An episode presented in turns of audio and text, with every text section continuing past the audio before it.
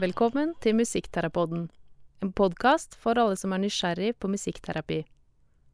Denne podkasten er finansiert av Polyfon kunnskapsklynge for musikkterapi. De jobber for at musikkterapi skal være tilgjengelig for de brukerne som ønsker og trenger det. Følg gjerne med på Polyfon sitt arbeid på Facebook. I dagens episode av Musikkterapoden skal vi snakke om hjertesang, og vi har fått besøk av Merete Wolff Lindvall, som er utdannet musikkterapeut i Sandane. Hun eh, bodde i Sverige før hun fikk seg jobb som musikkterapeut i Bergen, eh, på Pedagogisk fagsenter, og jobbet der i åtte år før hun fikk seg jobb på barne- og ungdomsklinikken ved Haukeland sykehus. Med oss har vi også Jens Erik Aasmundseth. Han er musiker og har toårig fagskoleutdanning som musikkprodusent. Han har gått på musikkterapiutdannelsen ved Griegakademiet og holder på å skrive masteroppgave om hjertesanger. Og velkommen til dere to. Tusen takk. Tusen takk. Lurte på om dere kunne fortelle litt om dette hjertesangprosjektet deres, hva det går ut på. Hvordan kom dere inn på det, og hvordan møtes dere?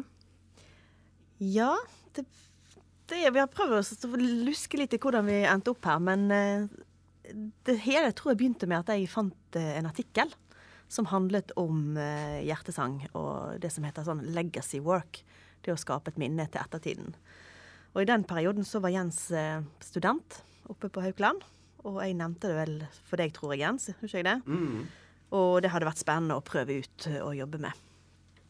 Så det var vel der vi begynte. at du, i og med at du, da hadde jeg vel leid deg inn også som eh, At du skulle lære meg litt opp i å bruke musikkproduksjon, eller det å, å kunne bruke datateknologi mer. Så det passet veldig godt inn i det, da. Ja. Så da tente du veldig på den ideen, å prøve det ut. Eh, ja, og jeg tror jeg har eh, hele studiet leita etter noe som fanger meg litt, da. Og kanskje ikke funnet det før den gangen. Så um, det å kunne bruke musikkproduksjon i uh, musikkterapi var veldig sånn Yes, dette er, dette er gøy.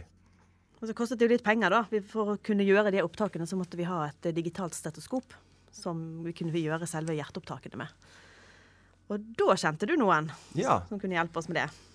Da sendte jeg en SMS til eh, en venn av meg som driver med utrolig masse rart, og spurte om han ville sponse to stetoskop, og det var stor tommel opp.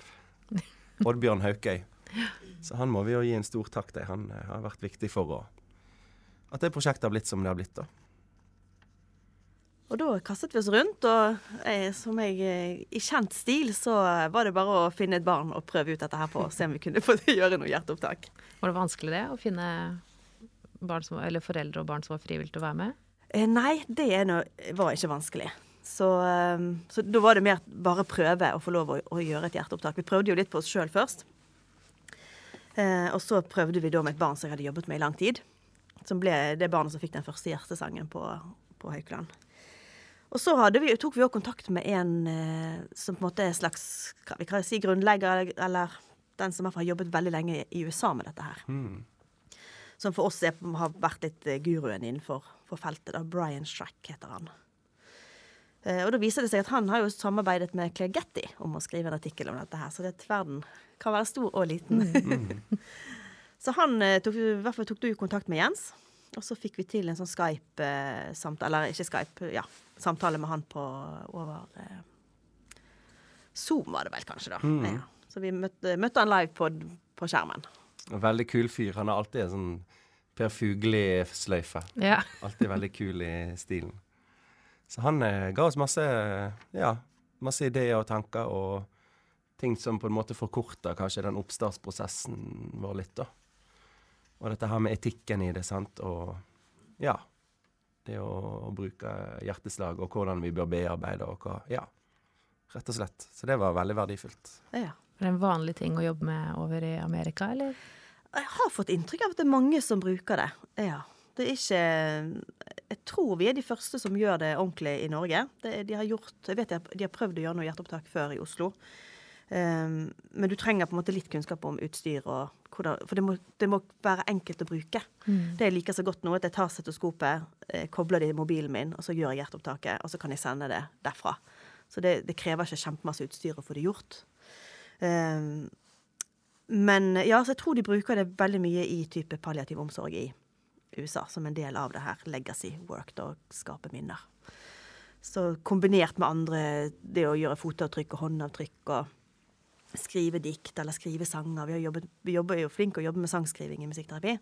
Eh, og dette blir på en måte å ta det ett steg videre, sangskrivingen, da. Det å legge det på hjerteslagene også. Så gir Ja. en sånn annen dimensjon til selve sangskrivingen. Ja, Det skal vi komme inn på litt etterpå med hvordan vi jobber med, med disse, dette opptaket, da. Så Brian Schreck eh, hjalp oss litt i gang, og så kastet vi oss veldig fort ut i det. Og første hjertesangen ble vel en slags improvisasjon hvor du fikk eh, Jeg spurte deg kan ikke du lage noe fint til dette hjertesangen, for vi skulle vi presentere det i forhold til nettverket MIPE, da. Musikkterapi pediatri. Så det ble den første hjertesangen. Litt sånn hurten og styrten. Mm. Men eh, likevel veldig fin. Veldig fin. Og det var sånn for Det tror jeg var oppriktig det første opptaket Ja. du gjorde. Jeg husker jeg prøv, når jeg prøvde å ta meg sjøl, jeg brukte tre dager før jeg fant For jeg fikk noe lyd. Men, eh, men eh, Så det var litt sånn Det skurra litt, sant? Det var aller første opptaket. Så, men så ble det så fint allikevel. Ja. Og vi kan jo høre litt på det første opptaket, da. Ja. Første hjertesangen, hvis du vil. Ja. Yes.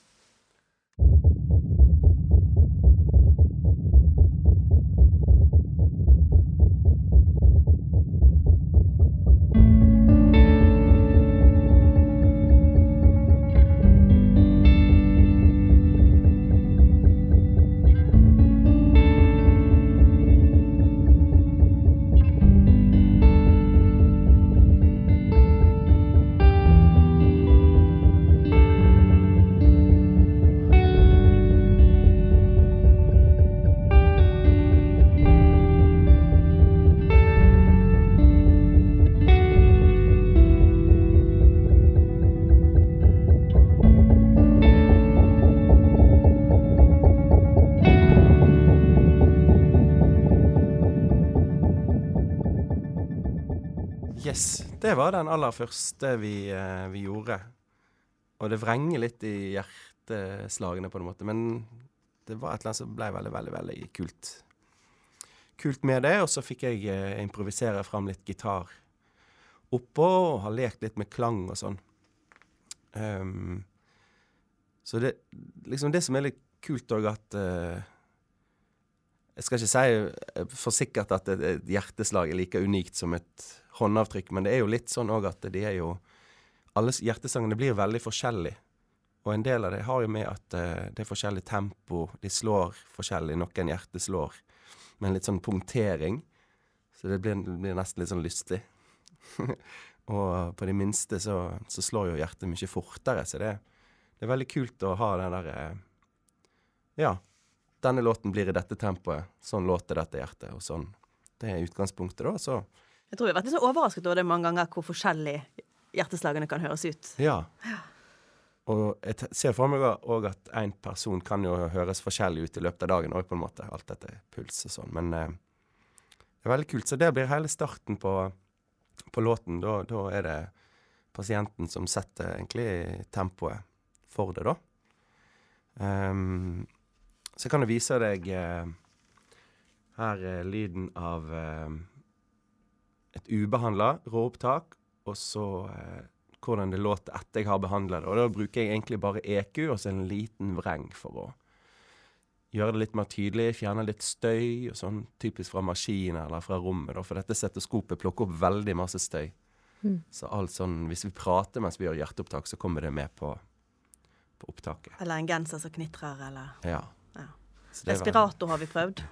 Ja. Gjøre opptak av hjertet når et pasient lå på respirator. Mhm. Så blir det en ekstra musikalsk element. Perkusjon. Ja.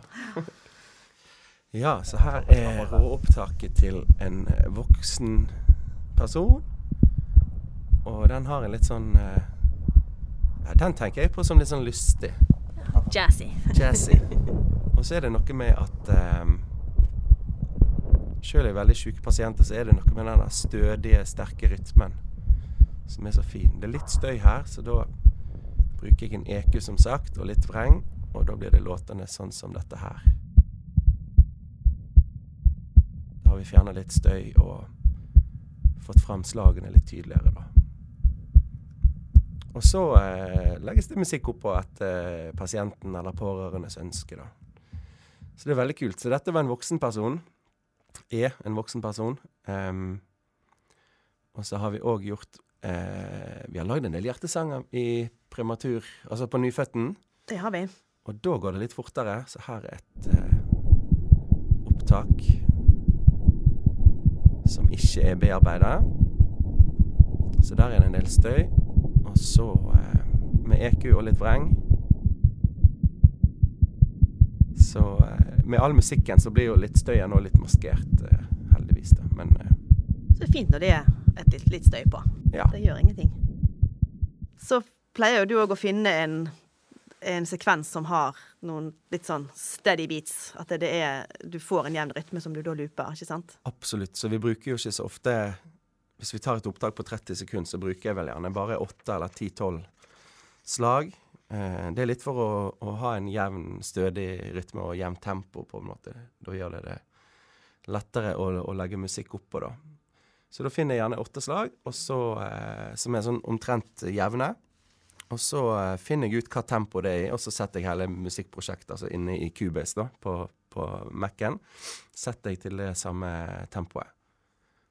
Og da er det så mye lettere å jobbe med instrument oppå, på en måte, når du har et klikk da du kan forholde det til. Ja. Det er veldig kult, da, med hjerterytme og, og sånn. Jeg har ikke tenkt over, sånn som dere snakket om tidligere, at det er såpass forskjellig da, i hjerterytmene. Og, å få høre de to eksemplene også, hvor forskjellig det er fra nyfødt til voksen. Og at det blir på en måte en identitet, det òg, det med den rytmen du har. Ja.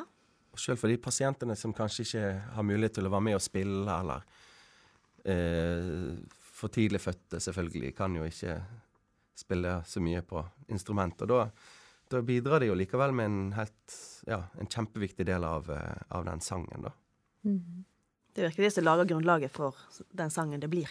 Så, så hele, hele tanken er jo å involvere barnet eller foreldrene eller søsken, altså familien, de pårørende, så mye som mulig inn i, i skapelsen av sangen, da. At det, ikke, det skal ikke være sånn at vi bare gjør opptak, og så får de på en måte vær så god, der har du en, en ferdig sang, men at de er Vi prøver å involvere de så mye vi kan. Med å spille, synge, skrive tekst eh, ha ideer, hvilken sang betyr noe for dem. Eh, en mamma hun hadde jo valgt en sang fordi hun sang den inni seg fra babyen var født. Eh, og sang den inni seg i kvøs, når barnet lå i kuvøsen. Men tørde ikke helt å synge den ut.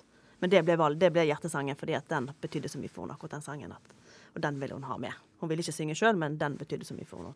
Den, det var det hun valgte til sitt barn. da. Så det har vært mange veier inn i hjertesangen. eh, Hva, hvilket resultat det blir, da. Og der har jo du sikkert skrevet om i masteren din òg, Jens, det her de forskjellige måtene vi har inngangene til ferdig produkt, da. Ja, for det er jo eh, det er litt sånn mål om å inkludere da, foreldre eller pårørende i så stor grad som mulig, uten at de skal være med på noe de ikke eh, har lyst til, på en måte. Og eh, stort sett så er det noe med å spille på litt instrument, og ofte er barnet med å spille på f.eks. klangtromme eller klokkespill eller hva som helst. Stjernedryss har jeg med noen ganger. Og av og til så klippes det litt i for å lage et ostinat eller sånn, og med litt klang og sånn, så blir alt veldig fint, på en måte. Så, så det der å involvere de er veldig fint.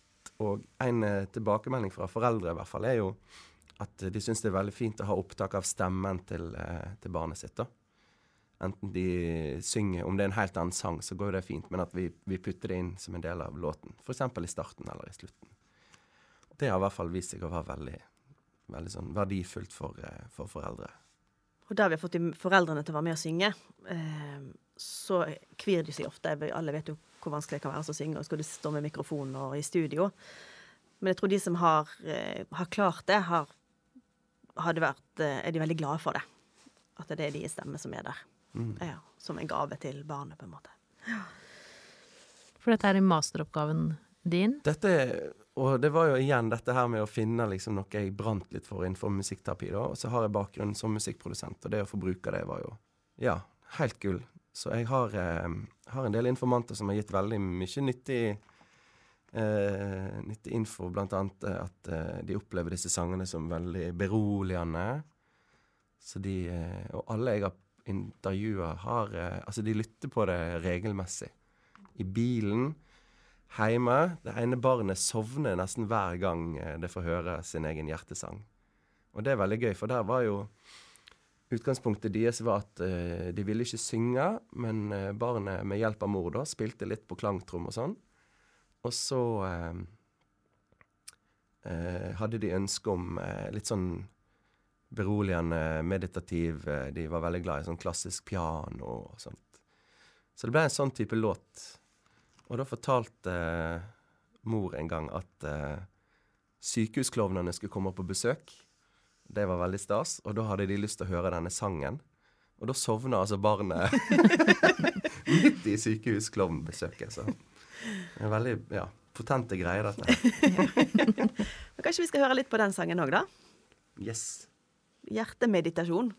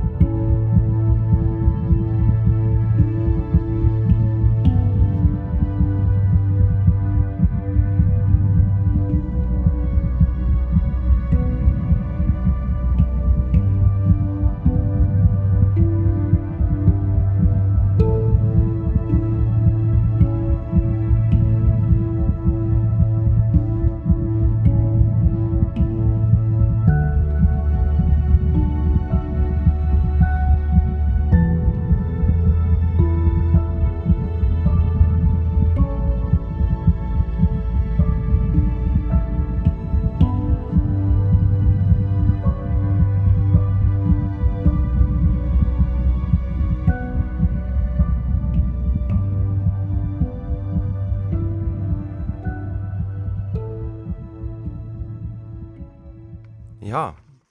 Her er det da et barn som, som spiller på klangtromme med hjelp av mor. Og eh, det ble jo veldig sånn meditativt og fint. Eh, da har, eh, har, de på en måte bare spilt fritt i rommet. Vi har ikke hatt eh, hjerteopptak i bakgrunnen for at det skulle være i time. Det har jeg på en måte klippet til, og så lagd et lite sånn ostinat med klangtromme, da, oppå rytmen fra hjertet. Og så eh, ble det veldig fint, og så ligner det mer og mer på en låt av Sigurd Ros, da, så da bare omfanger jeg det. Og putter inn eh, noen akkorder fra en Sigurd Ros-sang som heter Von. Så den òg eh, har et litt sånn meditativt eh, preg, da. Her var det òg en forelder som, eh, som ved første gang vi møttes, så forteller hun at eh, hun eh, kan ofte ligge og høre litt på hjertet sitt på natta, da, og, og synes at det er veldig, veldig ubehagelig. Um, og så fortalte hun i intervju da at eh, etter at hun fikk denne låten her, så har den ja, angsten eller frykten for, for denne hjertelyden forsvunnet veldig. For nå, nå når hun eh, blir veldig obs på hjertet sitt på kvelden, så musiserer hun oppå det istedenfor å høre musikk oppå. da. Det er veldig, veldig kult, eh, kult funn. Så det sier jo noe om den beroligende effekten det har, da. Jeg vet ikke om det kommer fra Det vet jo du best, kanskje, Merete, men um, denne lyden av hjertet er jo det første et barn hører kanskje inni, ja. inni magen. Og um, det er jo gjort litt studier på det der med å, å spille av hjertelyd på, på for tidlig fødte og lignende. Det er, brukes jo en del sånn her for babyer, sånn beroligende sovemusikk til, til babyer. Så har de hatt litt eh, hjerteslag med på det. Så det er nok en lyd som babyene er vant til å forholde seg til, og som har, eh, er godt for dem å høre på. Så det ligger mye, nok mye i det at eh, for barna sjøl er, er, det en fin ting å få høre på. Både de premature og de som er eldre. Og voksne også. Ja. Men alle disse barna, er de palliative?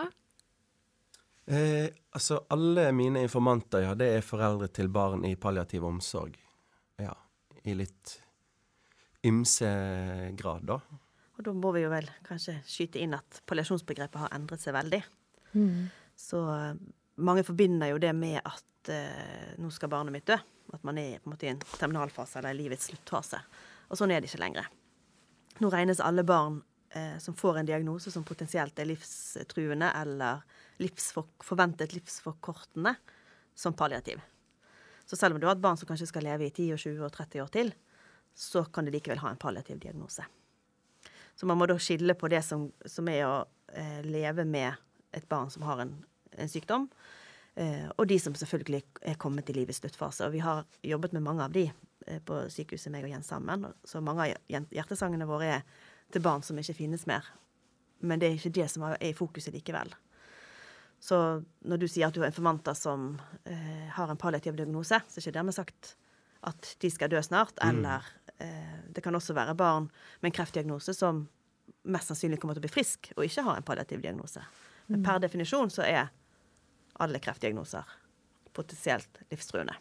Ja. Dermed palliativ. Ja. Så det er ikke så lett å Mange blir veldig skremt når vi snakker om palliasjon. Mm. Så nå har jo jeg eh, en stilling 20% i det barnepalliative teamet på Haukeland. Eh, og det sammenfalt veldig med at vi kom inn på dette med hjertesang. Og det, det, det, går veldig sånn hånd i hånd, føler jeg. At det er et veldig fint verktøy inn i det barnepalliative arbeidet så eh, setter en annen dimensjon til også den, den, type jobbing, da. Så når vi, eh, eller Jens valgte tema for, eh, for masteren sin, så fant vi ut at det å foreldre som er under barnepalliativ team eller har en palliativ diagnose, og barn som blir født premature, at de familiene står i litt like eh, kriser, da. Så det å få et barn som er veldig for tidlig født Jeg tror det er barnet som har det yngste, vårt yngste barn er født i uke 23 mm. og er under 400 gram. Mm. Så det, det, står jo på liv og død der også, med disse her veldig, veldig små babyene.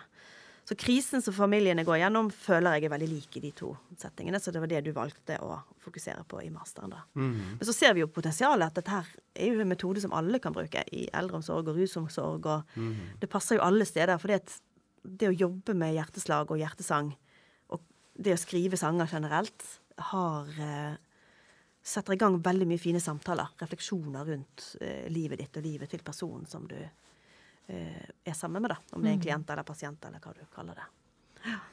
Så stort potensial er også utenfor palliasjon, da.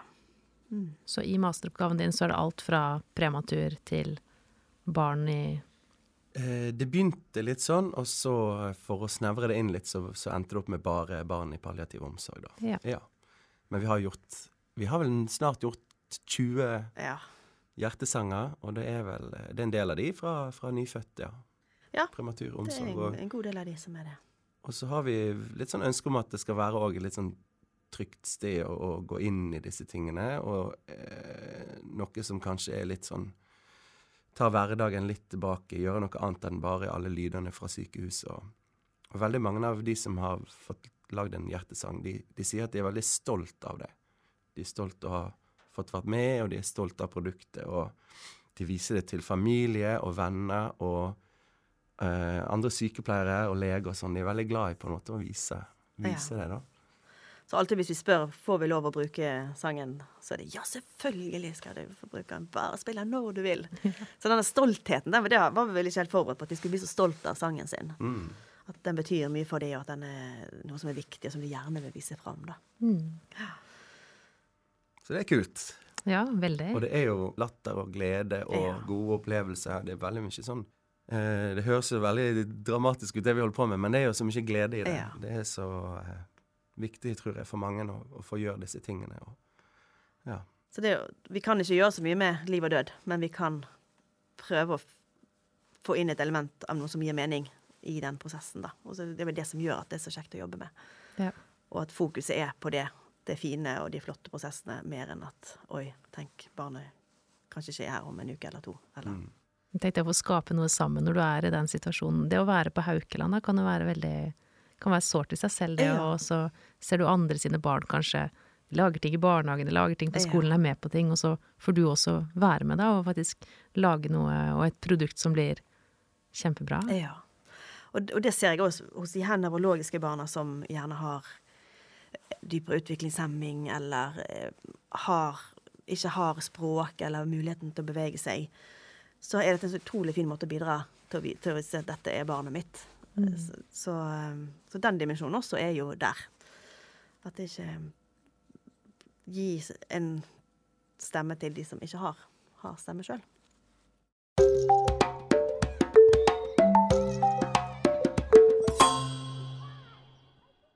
Vi ser jo det, dere har jo holdt foredrag på ulike steder om dette, blant annet Polyfonkonferansen. Ja. Jeg var jo også i publikum der, og det er jo ikke, det er jo ikke et øye som er tørt, nesten, når dere snakker om det. Det er jo noe som rører ved mange, da, dette med hjertesangen. Ja, og jeg har liksom prøvd å finne ut at hva er det som eh, er forskjell å snakke om dette framfor andre tema i å jobbe med barn på sykehus, eller Det, det, det er sjelden noe berører så mye som når vi, når vi snakker om hjertesang. Og kanskje du merker det også når du snakker om dette med andre, Jens, i, ute i verden. Ja. At det er Det berører og det, Det er noe òg med lyden av hjertet i seg sjøl som jeg vet ikke, det føles intimt og privat og, det og slår deg. sterkt. Ja. Ja. slår på deg, mot, mot deg på en litt sånn spesiell måte. Og jeg kjenner jo det, jeg òg. Men det er noe annet når du kanskje er i det og jobber med det og har den der Altså nærheten til det skaper distansen du trenger for å kunne, kunne jobbe med det. Og så har vi ofte den gode opplevelsen som vi har hatt underveis med å lage det, da, sammen med, Ja. eh, med de, de som er med. Så, så har vi Ja. Og så, tro, så tror jeg at folk blir veldig berørt av eh, det å jobbe med barn som er så syke. Så det de to tingene sammen, da, det, det hjerteslagene gjør med deg, og det å, å sette seg inn i situasjonen disse familiene står i, gjør at du blir så rørt av det. Som skaper disse her tårene. Og så er det lyden av liv, Lyden av liv, ja. Ja. Det er vi opptatt av òg. Ja. Ser dere noen utfordringer i dette med å lage hjertesang? For det første så er jo låtvalget har jo òg kan ha utfordringer. Så det er viktig at ikke vi går for en låt som eh, har veldig sterke minner fra f.eks. en vielse eller bryllup, eller en låt som på en måte har et veldig bestemt minne knytta til seg fra før, kanskje. For det, det er jeg litt redd for at, um, at vi forringer tidligere minner, da, ved å putte det på en sånn låt. Uh, og så er det dette her med å sant, Skal man bare gå og ta opp lyden av noen som ikke kan gi samtykke? Der foreldrene må gi samtykke. Og ikke, I samtale med, med de foreldrene jeg har intervjua, så, så, så tenker ikke de på det i det hele tatt. da. De opplever ofte at hverdagen deres er full av sprøytestikk og eh, Ja, de vet veldig godt hva et stetoskop er fra før, på en måte, så dette oppleves veldig ufarlig. Vi snakket jo om i begynnelsen òg altså, Kan dette her forsterke en sorg med å ha, ha, få en hjertesang? Men det har ikke vi opplevd som en problematisk ting. Det er jo mer at det blir som en container som kan romme sorgen på en fin måte. At det blir lettere å bære sorgen med å ha sangen. Jeg vet ikke. Og så har vi snakket mye om eh, hvem eier musikken.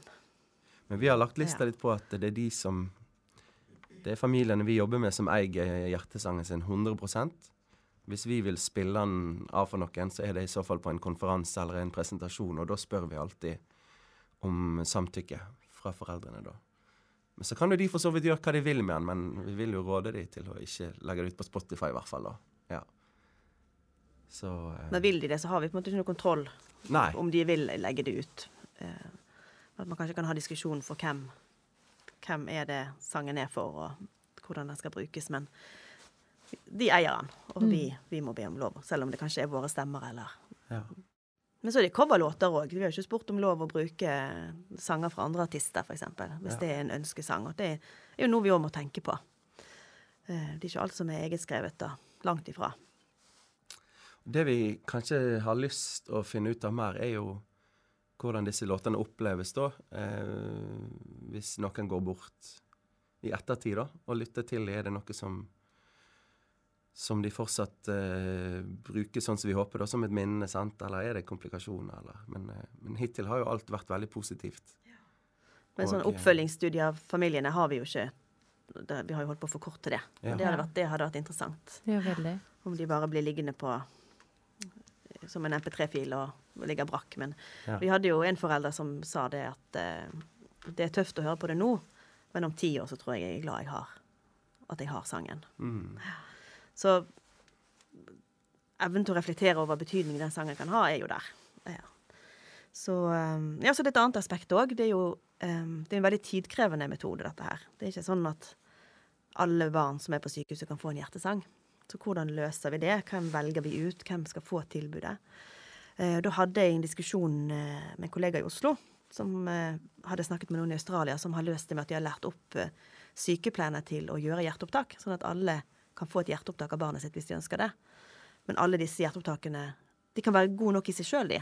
At alle trenger ikke bli en hjertesang som er produsert i studio. Så det er jo litt fint. Så det må vi liksom finne litt ut av. Ja. Nå har vi valgt ut eh, litt, litt på henvisning og litt ut ifra hva vi tenker kan eh, Hvem som kan trenge det mest, da. Men det blir jo litt sånn subjektivt ut ifra der vi står, og de pasientene vi kjenner, og til enhver tid og sånn. Så, ja. så det er litt å jobbe med ennå, eh, der. Du snakker om henvisning. Er det da sykepleiere eller leger som henviser til dere? Ja, det, de har jo blitt veldig begeistret for dette her. Så de kan komme og så eh, Jeg har et barn sånn og sånn. De tror jeg skulle ha likt veldig godt å få enten musikkterapi eller liker veldig godt skulle fått en hjertesang. Ja. Mm. Og det er spesielt fra nyfødtintensiven, da. Ja, Ja. det er jo veldig fint da at uh, også de andre faggruppene ser på nytten av Ja. det dere gjør, og Mange av disse familiene er jo lenge òg på sykehus. og Det er utrolig liksom hva, hvordan det her mobiliserer krefter. Hvor mye de kan gi av seg sjøl i en sånn eh, prosess. Og ja Hvor OK de syns det er, da. Og eh, tilbakemeldingen er jo òg at de eh, Noen informanter sa at eh, de syns alle på sykehus burde fått dette tilbudet, mens andre sier at alle som har barn i, med alvorlig sykdom, da, har veldig nytte av dette her. Så, så eh, ja. Vi må jo bare fortsette, og så blir det kanskje neste steg, da. Det der å finne ut av eh, langtidsbruk. Mm. For det er veldig, veldig interessant. Ja.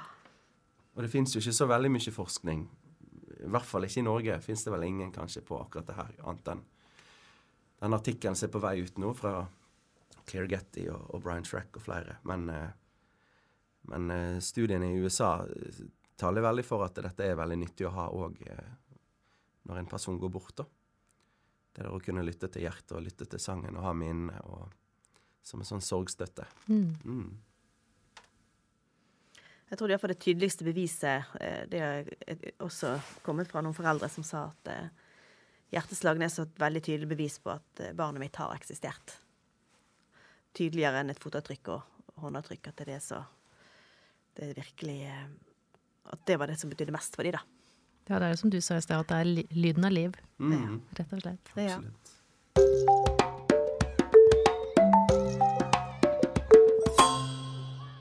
Vi er jo veldig glad i å vise disse her låtene vi har lagd, da. Så kanskje vi kan eh, få spille en, eh, en av. Ja, gjerne. Um, jeg vet ikke om du vil si noe om den, Merete. Der er det du som har skrevet tekst. Ja, for det er jo veldig ulike prosesser i de ulike sangene. Um, så jeg har prøvd å integrere den måten jeg har jobbet mye med familier før vi begynte med hjertesang. Mhm. Og da er det det å At barnet får sin personlige sang. Av og til blir det med egen melodi, og av og til en kjent melodi. Veldig sikkert mange som jobber sånn, men uh, da begynner jeg ofte med å At jeg ber foreldrene om å finne stikkord til ting som er viktig for de som de eh, er knyttet til barnet. Uh, og ut ifra de stikkordene så kan vi ha en samtale om hva de ulike ordene betyr, og hvilken sang de har lyst til å, eh, å velge til sitt barn, da. Så et, en av de hjertesangene vi gjorde nå eh, ikke så veldig lenge siden, var en sånn type prosess. Hvor eh, barnet fikk sin egen sang, og eh, de valgte da eh, 'Perfect' med Sharon som, som sin hjertesang, med egen tekst.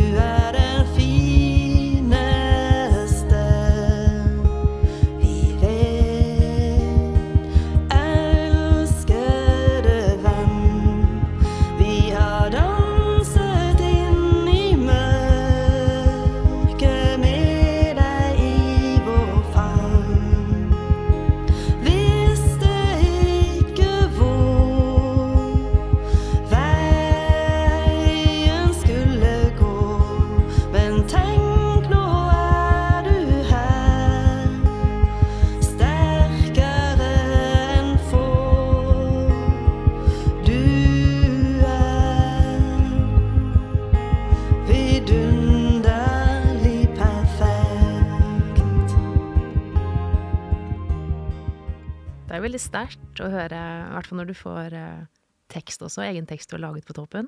Så blir det på en måte forsterket da, denne følelsen som kanskje ligger for foreldrene da, også.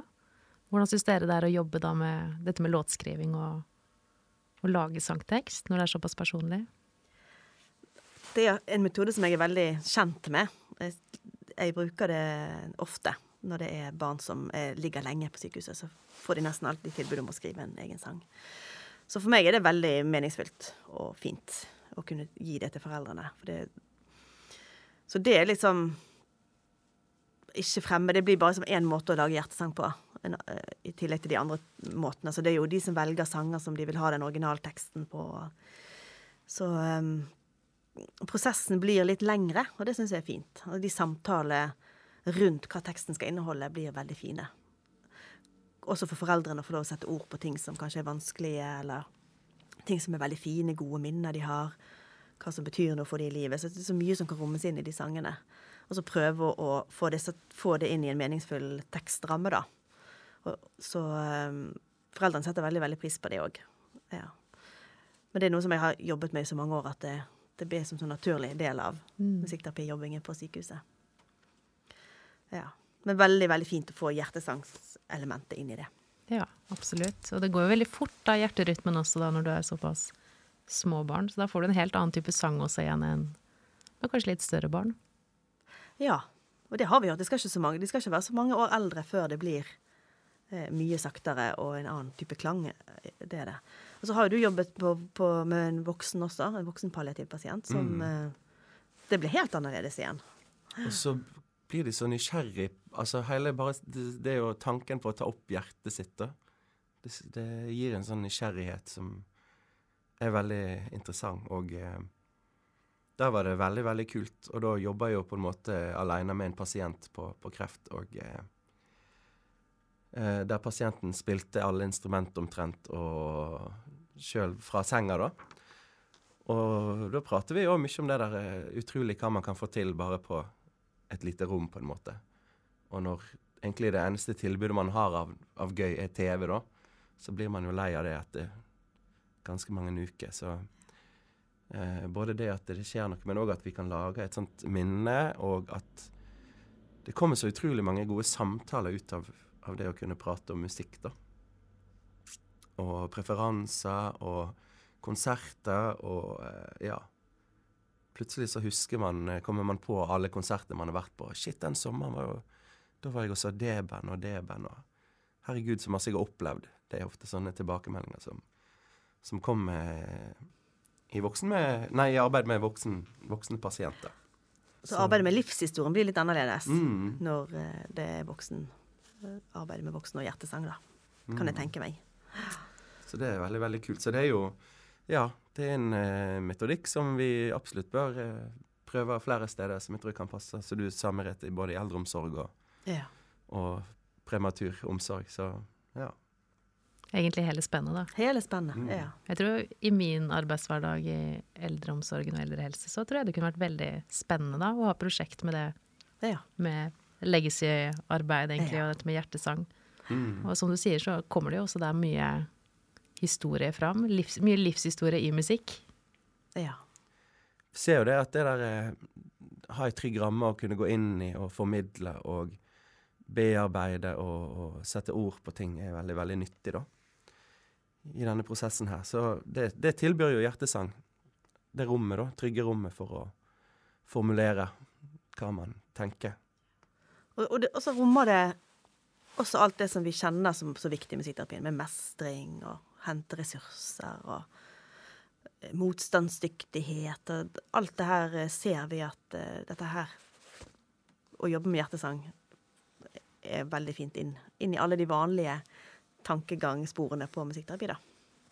Dere har snakket litt om dette at foreldre eller barnet velger sanger som betyr mye for dem, at det er allerede skrevne sanger.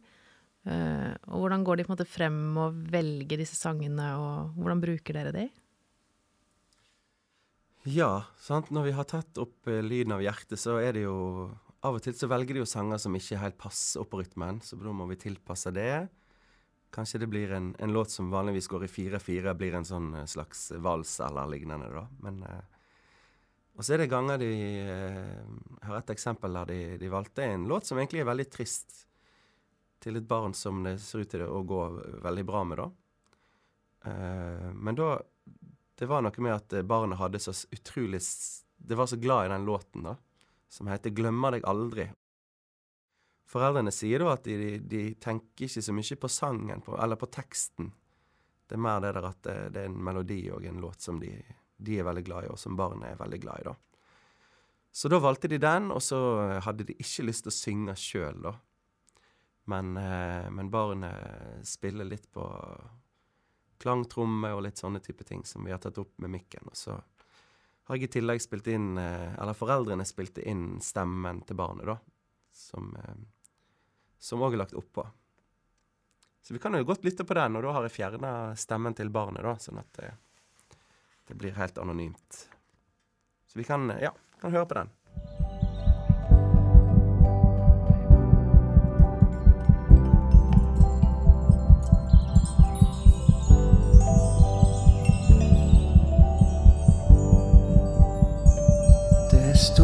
我想